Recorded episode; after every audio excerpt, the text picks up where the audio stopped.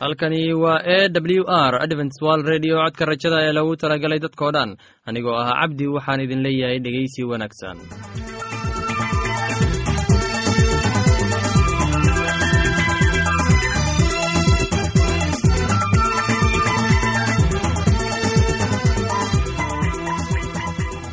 barnaamijyadeena maanta waa laba qaybood. Qaybta kuwaad waxaad ku maqli doontaan barnaamijka nolosha qoyska. Kadib waxaa inoo raaci doonaa cashar inaga yimid bugga nolosha. Dhegeystayaasheenna qiimaha iyo qadarinta mudano waxaan filayaa inaad si habboon u dhegeysan doontaan. Haddaba haddii aad qabto wax su'aal ama talo iyo tusaale oo ku saabsan barnaamijyadeena maanta fadlan inala soo xiriir. Dib ayaynu kaga sheegi doonaa ciwaanka yagu balse intaynan u guda gelin barnaamijyadeena xiisaa leh waxaad marka hore ku soo dhowaataan. Heestan daabacsan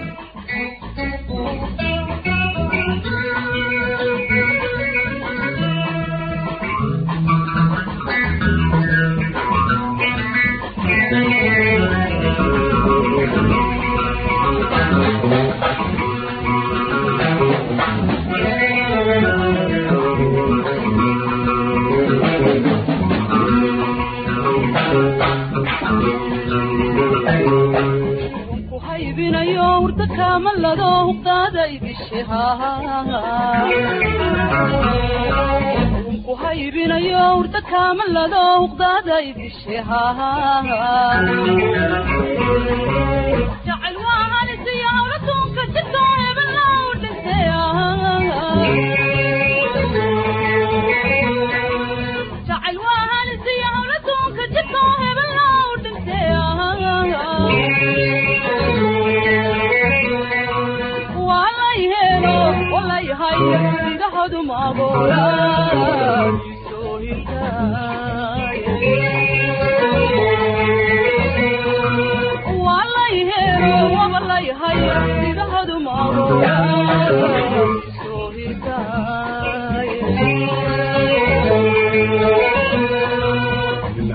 qaba uu hogal roobarkayo hangadaani nin harada qaba uu hogal roobarkayo hangadaani hubantaa lulataasoo habaabanaye hanqalkaan la kace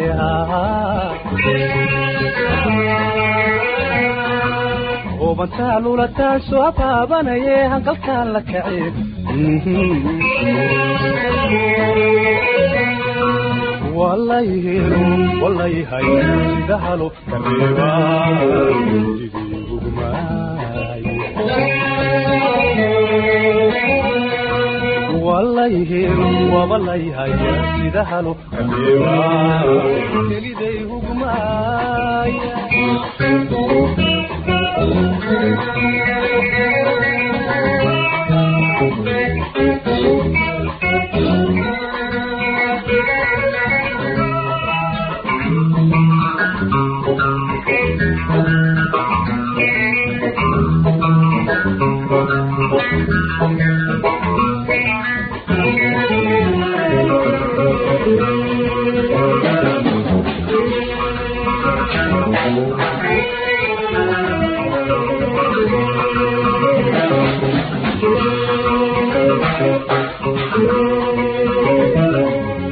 hadcadbaan lumayoonka habaabe rugtoo lay haybinaye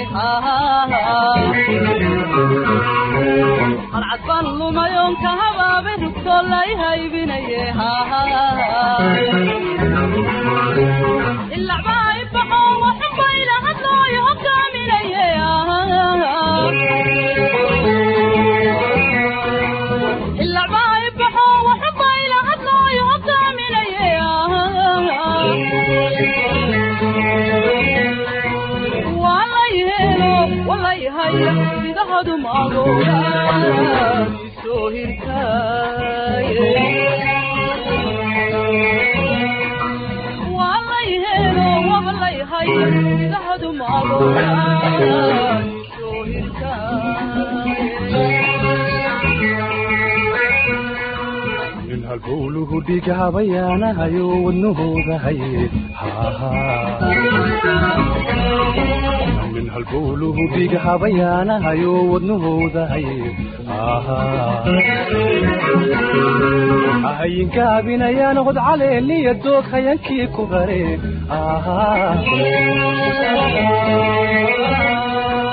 hayinkaabinayaan hod caleeliya doog hayankii ku rare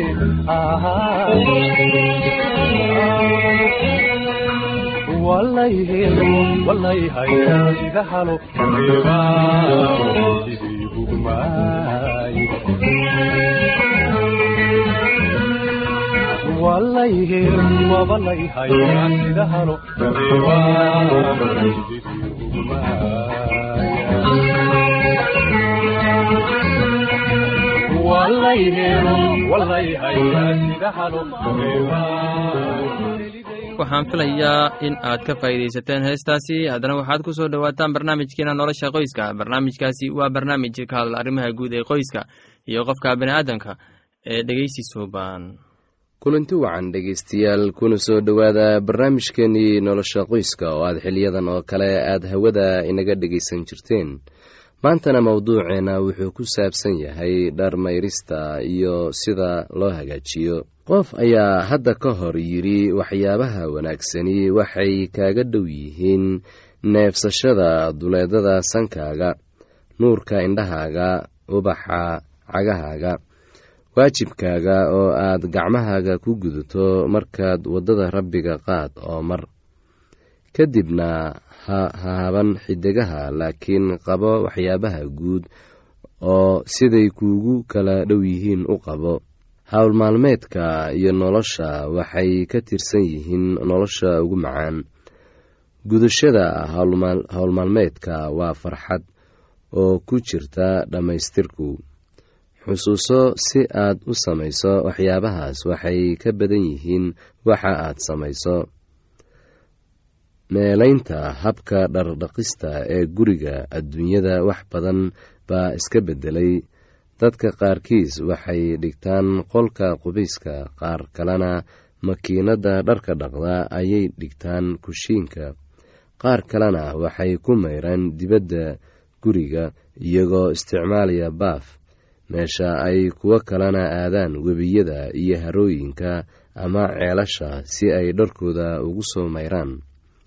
Haddaba intaas oo dhan dunida oo dhan way ku kala duwan yihiin qaar ayaa weli waxay isticmaalaan waxyaabihii hore ee caadooyinka ahaa ee dharka loo meyri jiray.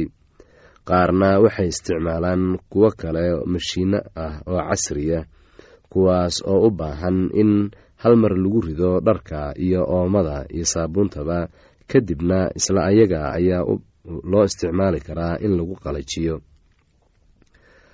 Haddaba waa maxay waxa dhammaystiridda ay u baahan tahay waa sidee sida ugu wanaagsan uguna qarashka fudud.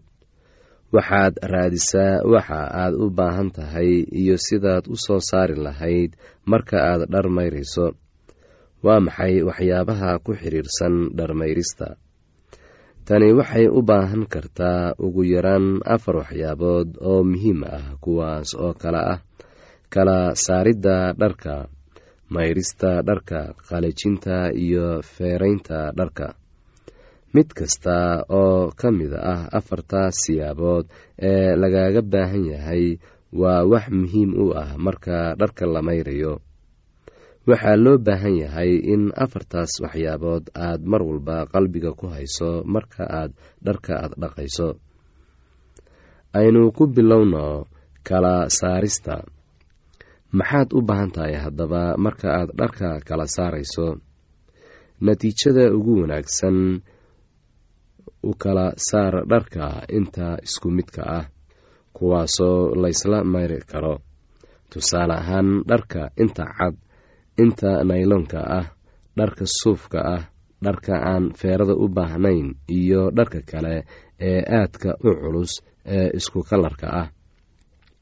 Haddaba waxaa loo baahan yahay in la kala sooco dharka. Waa in inta isku mid ah gooni loo saaro. Marka aad kala saarto fetash jeebabka oo dhan oo ka soo saar waxyaabaha ku jira. Haddaba waxaa loo baahan yahay in waxyaabaha jawaabka ku jira sida waraaqaha dukumentiga ah ama waxyaabaha kale in dhammaan jeebka laga saaro oo meel qalalan la dhigo. Waxaa dhacdaa mararka qaarkood in dad badani ay jeebabka ku iloobaan waraaqo muhiim u ah ayagoo had iyo goorba jeebka gashanaya waraaqaha kuna iloobaya haddaba waxaa loo baahan yahay inta aan dharka la mayrin in laga soo saaro waxyaabahaas si aan loo baabi'in. Ka baar sidoo kale waxyaabaha ku daata dharka waxyaabahaas oo ay dhici karto in loo baahan yahay in marka hore la nadiifiyo inta aysan kuwa kale gaarin. Waxaa ka mid ah waxyaabahaasi matalan saliidda ama oolyada ama rinjiga waxaa laga rabaa inaad ku bilowdo adoo dhammaan shaararka iyo fanaanadaha mayraya ka hor saraawiisha iyo goonooyinka iyo dharka kale ee culus. Sigsaanta waa in gooni loo mayro si aysan kuwa kale u wasaqayn. Sidoo kale waxaa gooni loo mayri karaa nigisyada oo ay tahay in si gooniya loo dhaqo haddaba waxyaabahaasi oo la yidhaahdo underwiirka waa in si gaar ah loo dhaqaa. Waxaa kale oo muhiim ah in qof walba dharka uu leeyahay gooni loo dhaqo waayo dadka isku dhidid maaha wayna kala duwan yihiin. Waxaana dhici kartaa in dadka qaarkood ay jiran yihiin. Sidaa darteed waxaa habboon in qof walba dharkiisa gooni loogu mayro go-yaasha iyo bustayaashu waa alaabada culus oo u baahan dhaqis gaar ah in la mayro maalin ka duwan maalinta dharka kale aad dhaqayso. Waxaa loo baahan yahay in go-yaasha culculus iyo bustayaashaba in marka hore biyo iyo oomo lagu radiyo oo kadibna lagu shubo daawada dhibtoolka ah ee jeermiska disha. Waa in habeenkii oo dhan ay dharkaasi biyaha ku jiraan. Kadibna waaga marka uu beriyo waa in si fiican burush loogu dhaqo oo la nadiifiyo iyadoo la raacinayo biyo fara badan.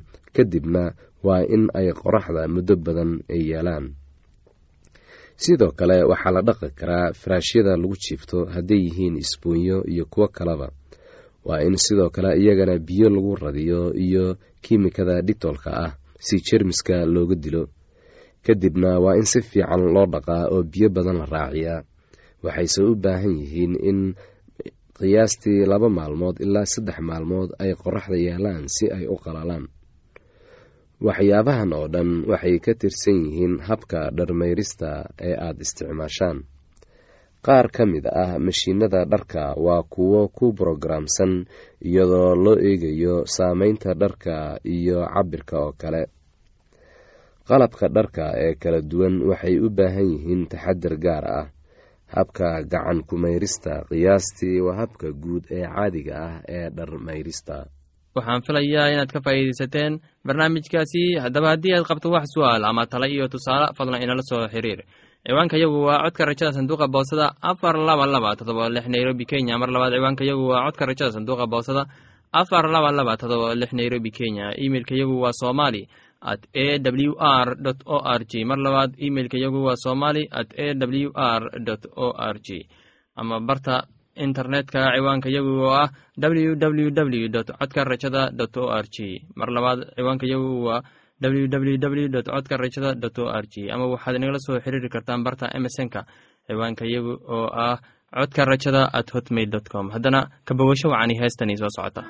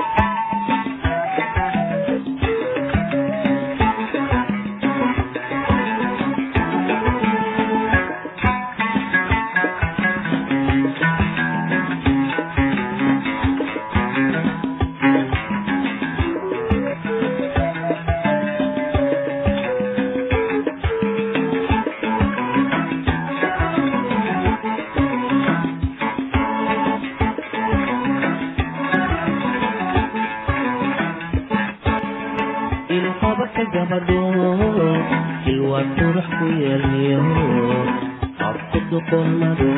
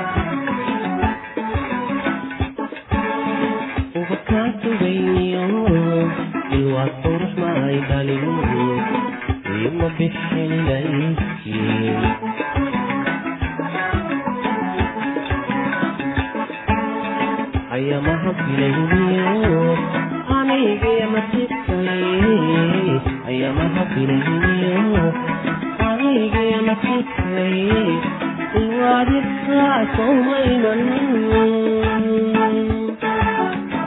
baqaadka nolosha waa abaarka gurikee iglasmow kubaanara landankaw kubaanara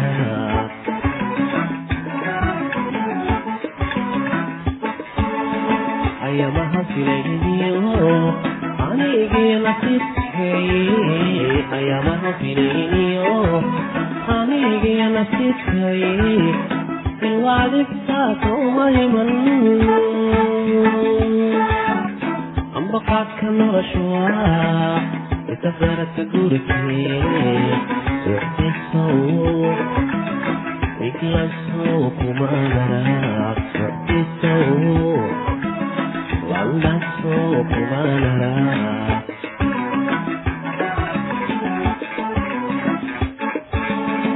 ضربتني ما كنت متعيل دبي ضربتني ما كنت متعيل دبي دوبا ماري لا هاي سوى قلبي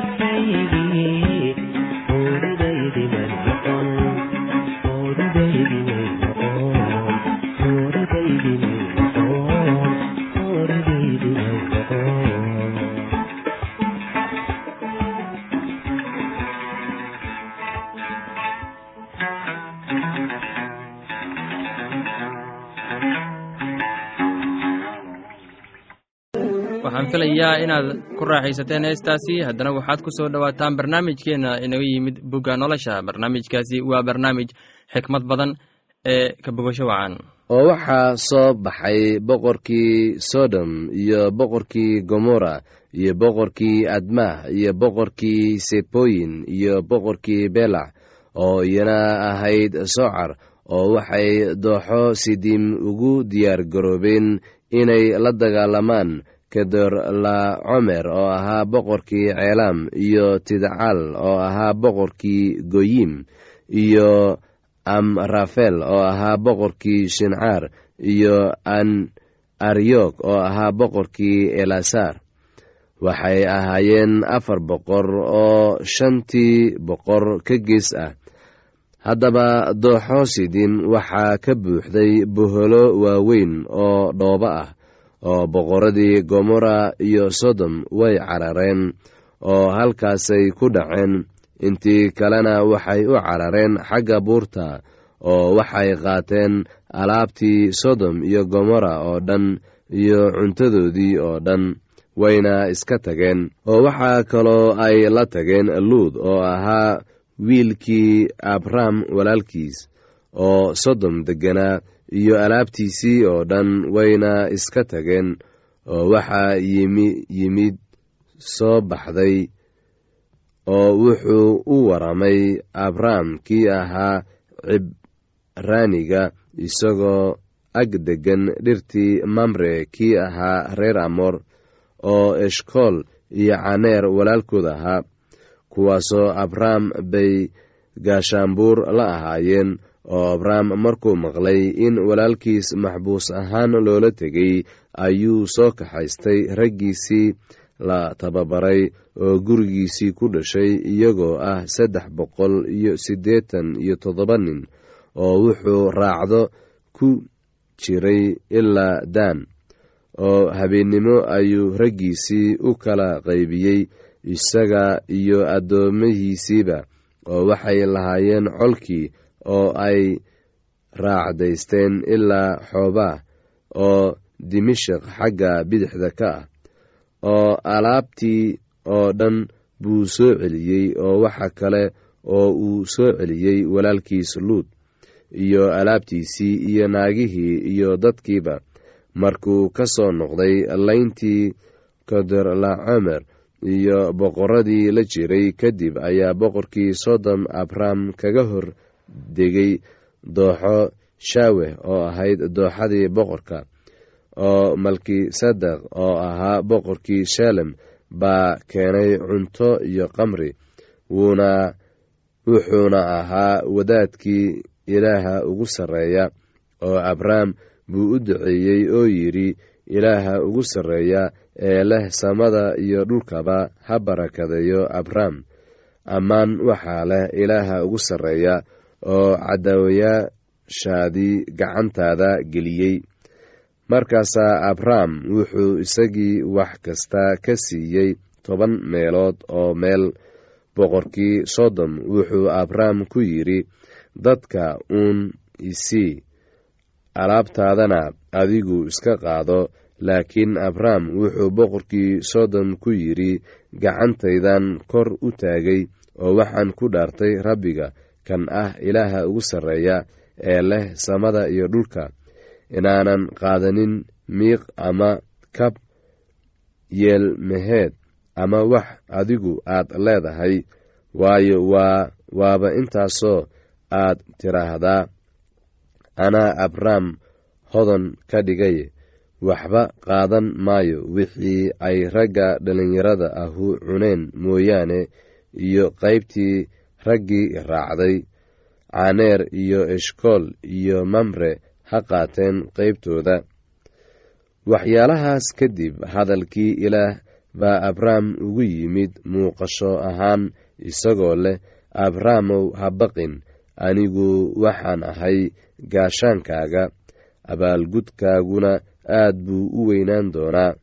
Oo abram wuxuu yidhi sayidow rabbiyow maxaad isiin doontaa waayo anigu carruur la'aan baan sii socdaa.